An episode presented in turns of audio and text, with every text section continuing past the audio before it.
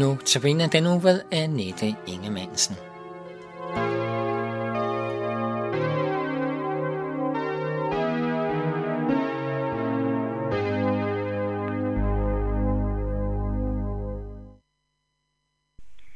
Lever du i en presset hverdag med gøremål op til begge ører? Er du træt og stresset? Bærer du på smerte og tab? Så kan man godt længes efter at kunne sige ligesom Peter på forklarelsens bjerg, hvor han siger, Herre, det er godt, at vi er her. Det, der egentlig ligger i det, det er det her med bare at være i din nærhed, Jesus, sammen med dig. Det var det, Peter og hans venner var på det høje bjerg, hvor alt pludselig blev helt anderledes. De havde hørt Jesus tale om den lidelse, der kom af at følges med ham. De havde hørt ham forudsige sin egen lidelse, og nu fik de et kig ind i noget, der overgår alverdens trængsler og ledelser. De så ind i himlen og den herlighed, der var målet med Jesu liv og mission. Peter og hans venner havde fulgtes med Jesus på støvede veje med ømme fødder og maveknuden, og så tog Jesus dem op på bjerget. Der skete det, som du og jeg kan drømme om, ja lige frem længes efter. De tre så alt blive forvandlet, da himlen i en øjeblikke rørte jorden, og Guds herlighed fyldte det hele. Pludselig så var de midt i paradis. De så og duftede og følte. Og Jesus han forvandledes for deres øjne.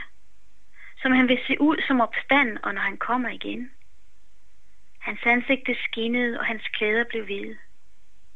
Det må have været et rent paradis for Peter og vennerne at se deres herre og mesters sande ansigt.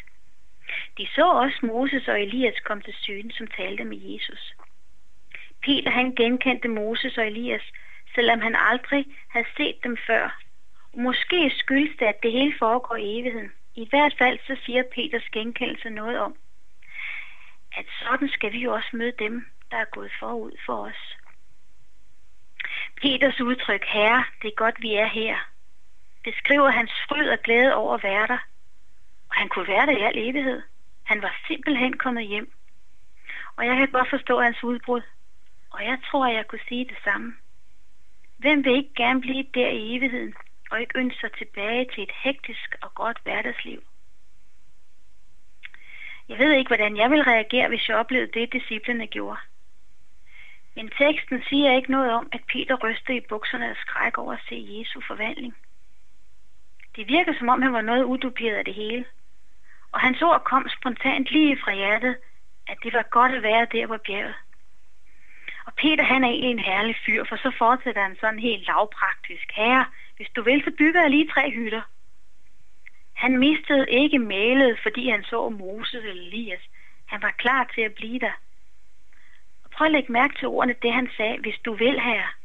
Peter han vidste godt, hvem der havde hatten på i det forhold. Men han var ærlig og lige frem. Og det siger noget om hans forhold til Jesus. Peter han ville gerne bygge, men Guds røst fra himlen afbrød hans byggeplaner. For tiden var ikke til det. Guds søn havde stadig en opgave. Jesu lidelse og død opstandelse ventede forud. Gud ville, at disciplen nu hørte Jesus fulgte ham, hvor han gik. Det galt dem dengang, og det gælder dig og mig i dag. Jesus han har de ord, der passer i din og min situation. Jesus ved, hvad det vil sige at være presset og træt, og når livet gør ondt. Derfor hør ham, når han taler om sin lidelse. Der er ingen genvej til herlighed udenom den. Da Peter og hans venner hørte Guds stemme, så kastede de sig ned som et udtryk for tilbedelse. Samtidig så blev de grebet af stor frygt over at være en for Guds ansigt. Der er ikke noget menneske, der tåler mødet med den hellige. Den eneste, der kunne fjerne deres frygt, det var Jesus. Her er der et dejligt evangelium, som vi kan se på forklarelsens bjerg. Der skete nemlig ikke noget ondt med de tre, fordi Jesus var der. De tålte mødet med Gud på grund af Jesu nærvær. Det får også en betydning for livet nu, for dit og mit liv.